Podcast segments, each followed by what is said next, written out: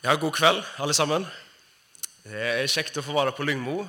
Eh, och eh, jag har lyckats dra på mig en skicklig förkölelse. Så jag hoppas att min stämma bärer. Men hör ni, hör ni mig gott nu? Bra. Eller så får det bli mer tegnspråk istället, om ni inte hör. Ehm, Ja, om de som inte var här igår kväll så är det så att mitt namn är Josef Birgersson och jag är eh, svensk men har bott i Norge i sju år. Och jag arbetar som kristendomslärare på Val videregående skola. Så då har jag ungdomar som är mellan 15 och 18 år, eh, där nästan ingen är kristen.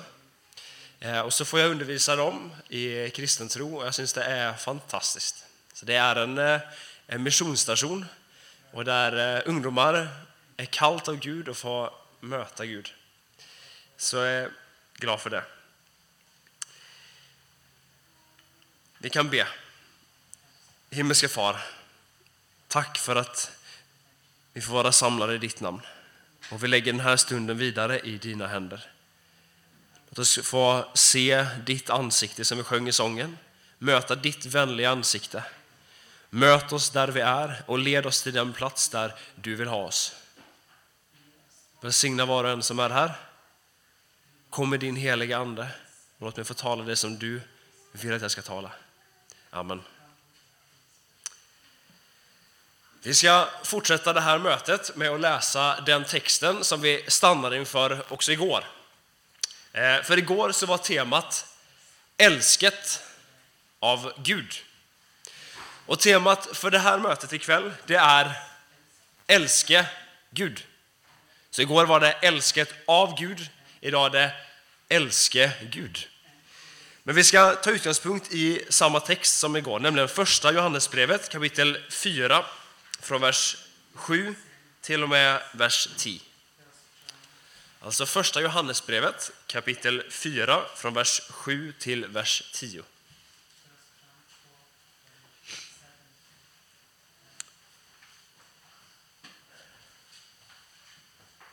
Lägg märke till bara hur den här startar. Han börjar med att säga mine kär. Och det tycker jag är så dejligt att Johannes, han, han snackar sånt till de som är i menigheterna och säger min kär. Han bara uttrycker så tydligt att han är så glad i dem som är hans sösken i tron. Kanske vi skulle börja säga det lite mer till varandra här också. Min käre, bara gå före mig i matkön. Ja, vi, vi är ju syskon i tron mine kjære. det är gott. Vi läser texten. Mine kjære, la oss elske hverandre, for kjærligheten er av Gud. Og hver den som elsker, er født av Gud og kjenner Gud. Den som ikke elsker, kjenner ikke Gud, for Gud er kjærlighet. Ved dette blir Guds kjærlighet åpenbart iblant oss, at Gud har sendt sin enbårne sønn til verden för att vi ska leva vid ham. I detta är kärleken icke att vi har älskat Gud, men att han har älskat oss och sänt sin son till soning för våra synder. Amen. Kärlek, det är ett kännetecken. Ett kännetecken på att vi är födda på nytt av Gud. Att vi är födda på nytt av Guds kärlek och hans nåd. Det vill säga att vi älskar, det är ett kännetecken på det. Och när kärleken hos kristna svalnar eller blir kall så är det ett väldigt illavarslande tecken. För det är så att frälse och kärlighet det är två saker som går hand i hand. Frälsning och kärlek. Det stod så här, världen som älskar är fött av Gud och känner Gud. Den som icke älskar känner icke Gud, för Gud är kärlek. Okej, okay. i vår tid så vet ni så är det ju mycket som går under benämningen kärlek. Och då kommer ett, ett spörsmål. Är det då så att alla de som proklamerar kärlek i vår tid, alla de som eh, uppmanar till fri kärlek, alla de som utövar det man själv menar är en kärlekshandling, är de frälsta? alla som snackar så gott och varmt och definierar kärlek på, på den och den måten är de frälsta. För det stod ju här att världen som älskar är fött av Gud och känner Gud. Nej.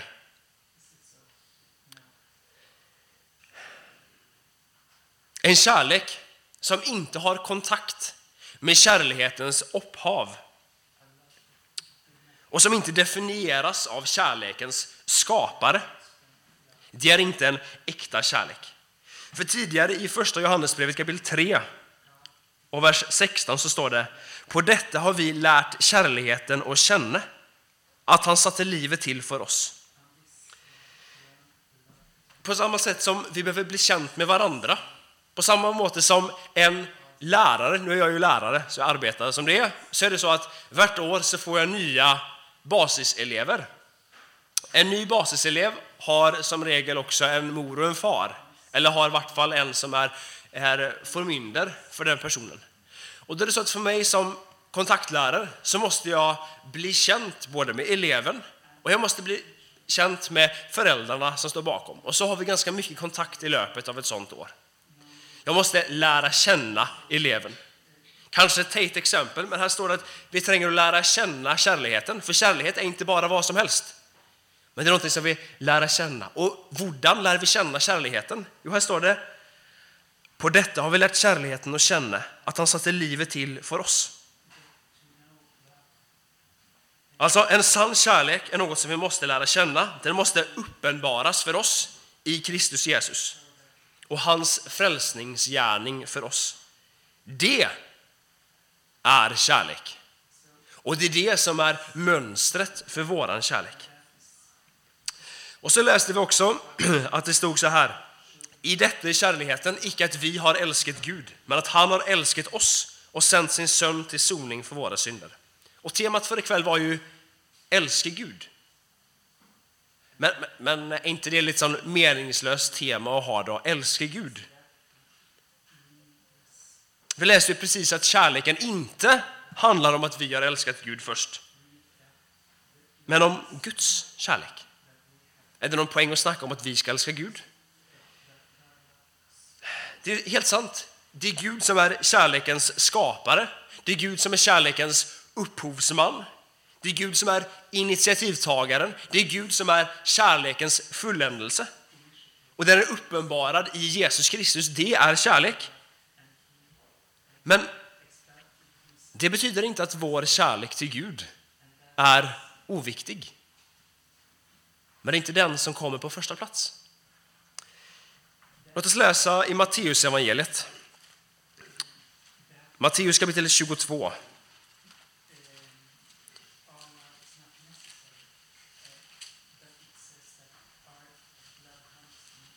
Matteus 22, vers 35-40.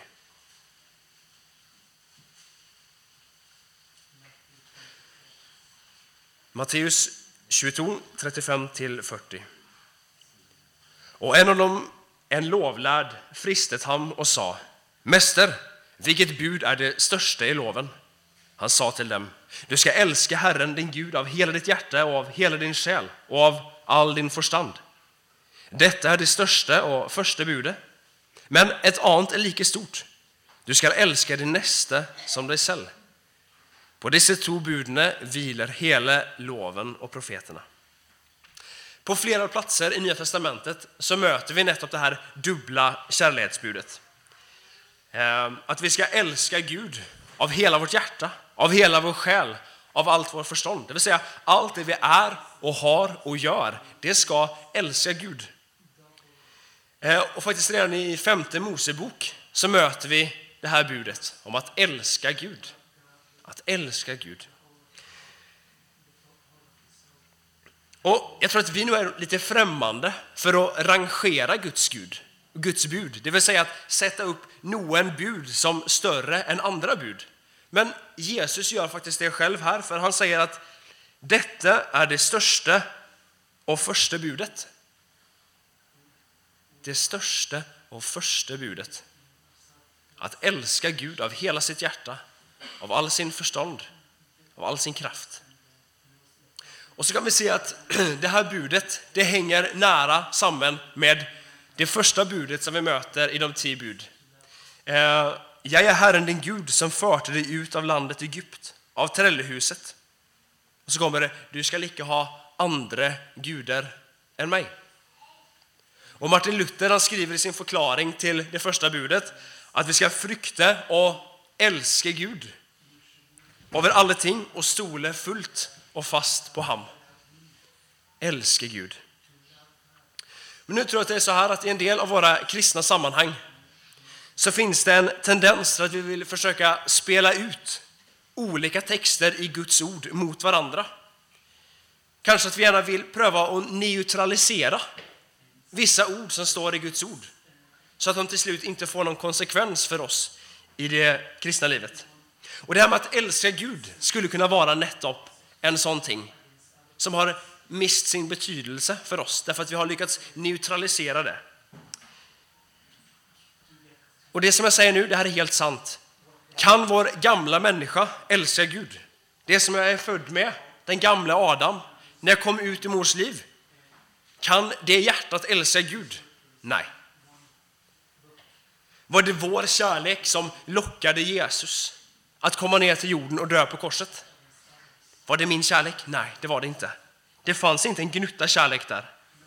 Och kärleken den består inte i att vi har älskat Gud, men att han har älskat oss först och sänt sin son till soning för våra synder.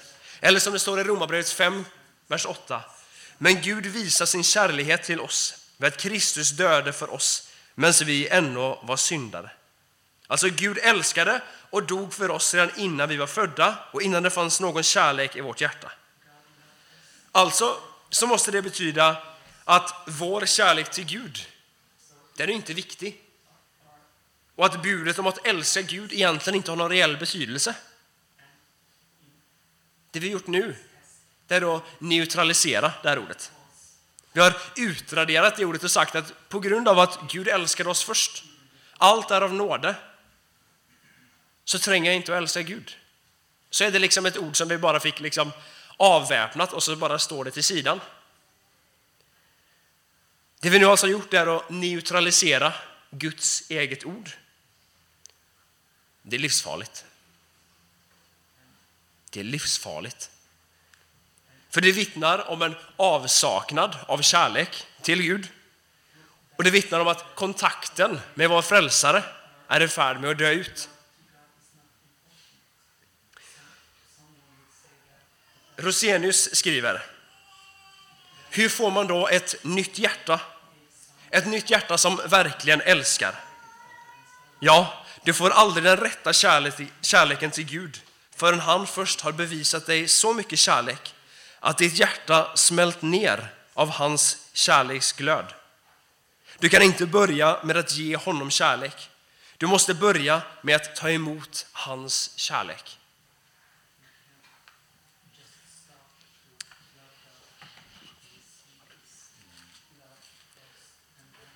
Vi slår upp Lukas kapitel 7. En fantastisk text som tar upp detta med Guds kärlek, Guds nåd och vad det skapar i ett människohjärta. Lukas 7 och vers 36. Lukas 7, 36. En av fariseerna inbjöd han dag till att spisa hos sig. Jesus kom till fariséns hus och tog plats vid bordet. Se, nu var det en kvinna där i byn som var en syndarinne. Då hon fick veta att Jesus låg till bords i fariséns hus kom hon dit med en alabasterkrucka med salve. Hon stilte sig bak Jesus vid fötterna hans och gråt. Hon begynte att väta fötterna hans med tårar och törket dem med håret sitt. Och hon kysste fötterna hans många gånger och salvet dem med salven. Men då farisén som hade inbjudit ham såg detta sa han vid sig själv. Var denna mannen en profet? Då visste han vem och vad slags kvinna det är som rör vid honom. att hon är en syndig kvinna. Då svarade Jesus och sa till honom. Simon, jag har något att säga dig. Och han sa, mästare, säg det. En pengautlånare hade två skyldnare. Den ene skyldte ham 500 denarer, den andre 50. Men där de inte hade något att betala med, eftergav han dem bägge gälden. Vem av dem vill älska honom mest? Simon svarte och sa, jag antar den som han ättegav mest. Han sa till ham, Du dömte rätt. Och så hoppar vi till vers 47. Och I texten så står det om, om vad den här kvinnan har gjort för Jesus. Och I vers 47 så står det Därför ser jag dig, hennes många synder är henne förlatt. Därför älskar hon mig. Men den som lite tillgitt älskar lite. Tillgivelse och kärlighet, det hänger ihop. Och här är den här kvinnan som kysser Jesu fötter gång på gång. Och så tar hon den här dyrbara salven och så smörjer hon, eller salver Jesu fötter. Och hennes motivation till detta är inte att hon vet om att, att det första budet, det viktigaste budet, det är att älska Gud. Nej, motivationen för henne till att göra detta är att hon har fått erfara Jesu tillgivelse Jesu nåde. Ja, hon har fått erfara Jesu kärlighet. Och det skapar någonting hos henne. Och så står det, hennes många synder är henne förlatt. Därför älskar hon meget. Men den som är lite tillgitt älskar lite. Vem av de här är du? Av de här två? Är du en sån som har fått tillit mycket? Eller är du en som har fått tillit lite? Är du en sån som älskar mycket? Eller kan det sägas om dig att du är en som älskar lite? Jag hoppas och tror att de flesta av oss som sitter här inne har en samvittighet som inte är slövet. En samvittighet som inte är bedövet. En samvittighet som faktiskt genom dagen, genom livet, är med och pirkar bort oss när det är ting som vi gör som är emot Guds vilja. En samvittighet som säger nej, det du gjorde där, det var galt. Men samvittigheten, den dömer inte alltid riktigt. Eh, den kan manipuleras. Och därefter så kan samvittigheten döma på en måte som inte är i harmoni med Guds lov. Samvittigheten kan på den ena sidan döma med att säga Josef, det du gjorde där, det var galt och så var det inte alls galt. Eller på den andra sidan så kan jag leva mitt liv, jag kan göra ting och sen är min samvittighet helt tyst. Den säger ingenting. Och så var det egentligen galt jag gjorde. Min samvittighet kan också vara väldigt bundet av människobud. Människor, och kanske ofta att det kan vara kristna ledare, som säger att detta är rätt, detta är galt och lägger in det och formar min samvittighet. Så att det är mer vad de här personerna säger och tänker än det som faktiskt Guds ord säger. Och så är det kanske så att min samvittighet mest är bunden av att det finns människor som har sagt ting till mig. Människor som kommer med dömande ord eller människor som kommer med ett dömande blick. Istället för att jag är klar över att jag står inför en Gud. En Gud som jag står till ansvar för. Och därför så behöver våran samvittighet kalibreras. Den behöver tunas in, den behöver komma på rätt kanal. Hur kan jag få en samvittighet som dömer riktigt? Ska jag isolera mig i en liten hytte? Eller bara gå ut i ett tält här och bara tänka att nu om jag bara lockar mig så får jag en samvittighet som är god? Nej. Min samvittighet den kan kalibreras när jag är i Guds ord. Och när särlig Guds lov faktiskt får makten över min, min samvittighet. Eh, Rosenius han skriver vidare om det här. Ju mer lagen får makt i samvittigheten, desto mer känner man av synden. Okej, tog det den? Alltså, ju mer lagen får makt i samvittigheten, desto mer känner man av synden. Jag märker synden, jag ser i mitt liv. När jag går här, när jag möter människor, så märker jag, ja, det var galt. Det är en synd ju mer man känner av synden, desto större ter sig nåden. Tog du den? Ju mer du ser av din synd, desto större, desto rikare ter sig nåden. Och desto, eh, desto större ter sig nåden när synden blir förlåten. Och ju mer nåd du får, desto större blir din kärlek, glädje och tacksamhet. Så läs Guds ord. Läs Guds lov. För det är det som är rättesnöret. Det är den norm som sam samvittigheten ska döma efter. Det är faktiskt så att Luther han uppfordrar den lilla katekismen, när vi ska ha vår morgonbön, så uppfordrar han oss till att gärna synga en sång varje morgon, om vi har tid, om de tio bud. Nettopp för att kalibrera vår samvittighet. Så att samvittigheten inte ska vara bunden av människor. Eller bara vara helt att det är fri flyt. Men att vi har en samvittighet som har sin utgångspunkt och som, har, som loven har sin makt över.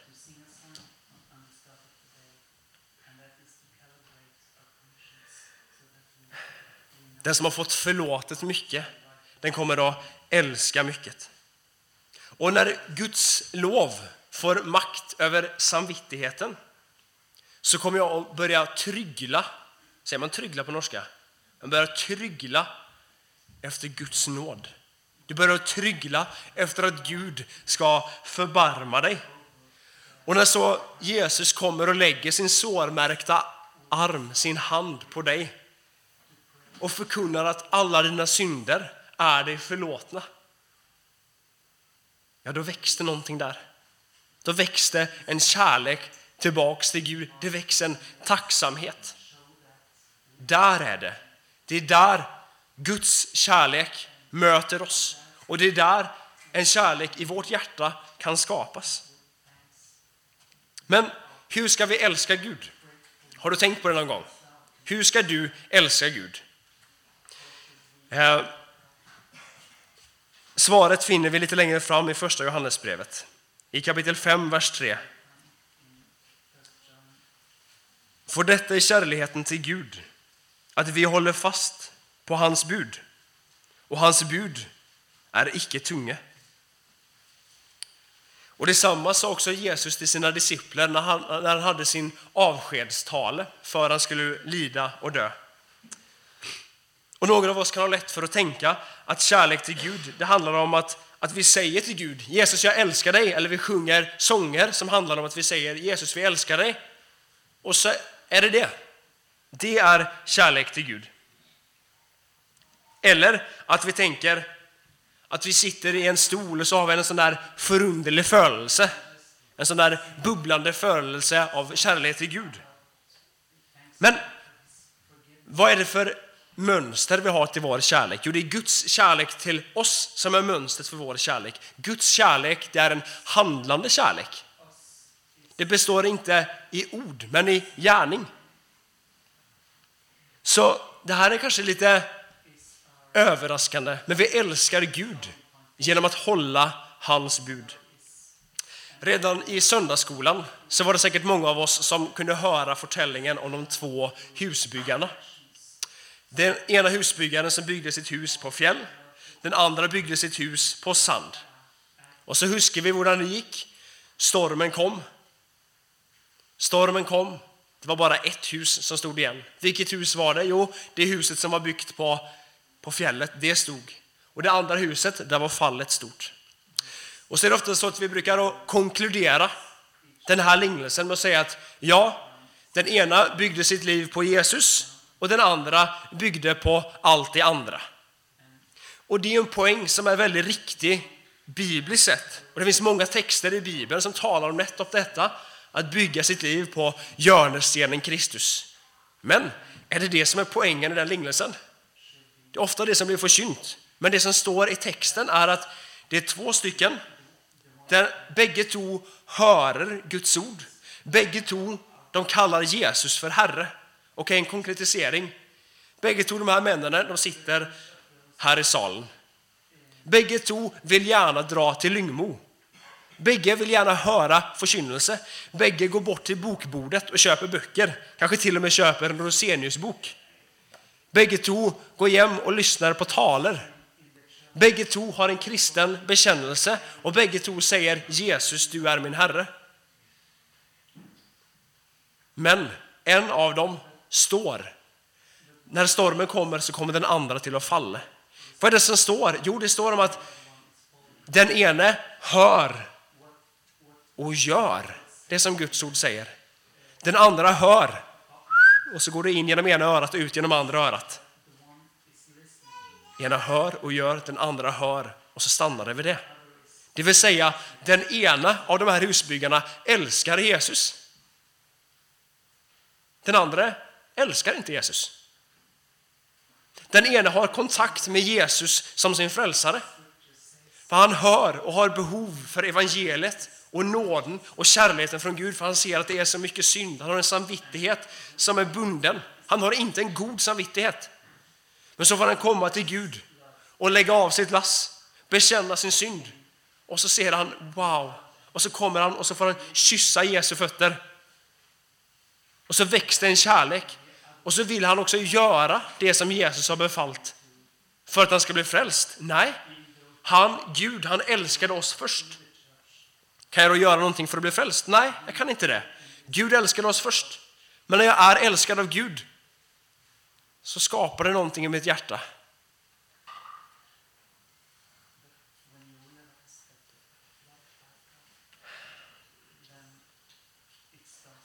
Jag vill avsluta det jag ska säga nu med en eh, liten bild. En bild av en stol.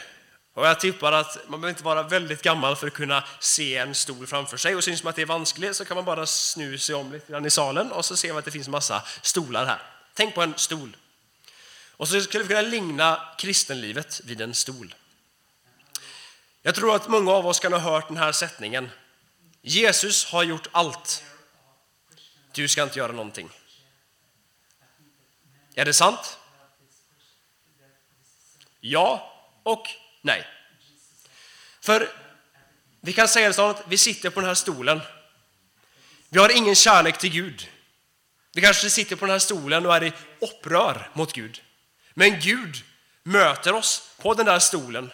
Kanske akkurat nå så möter Gud dig.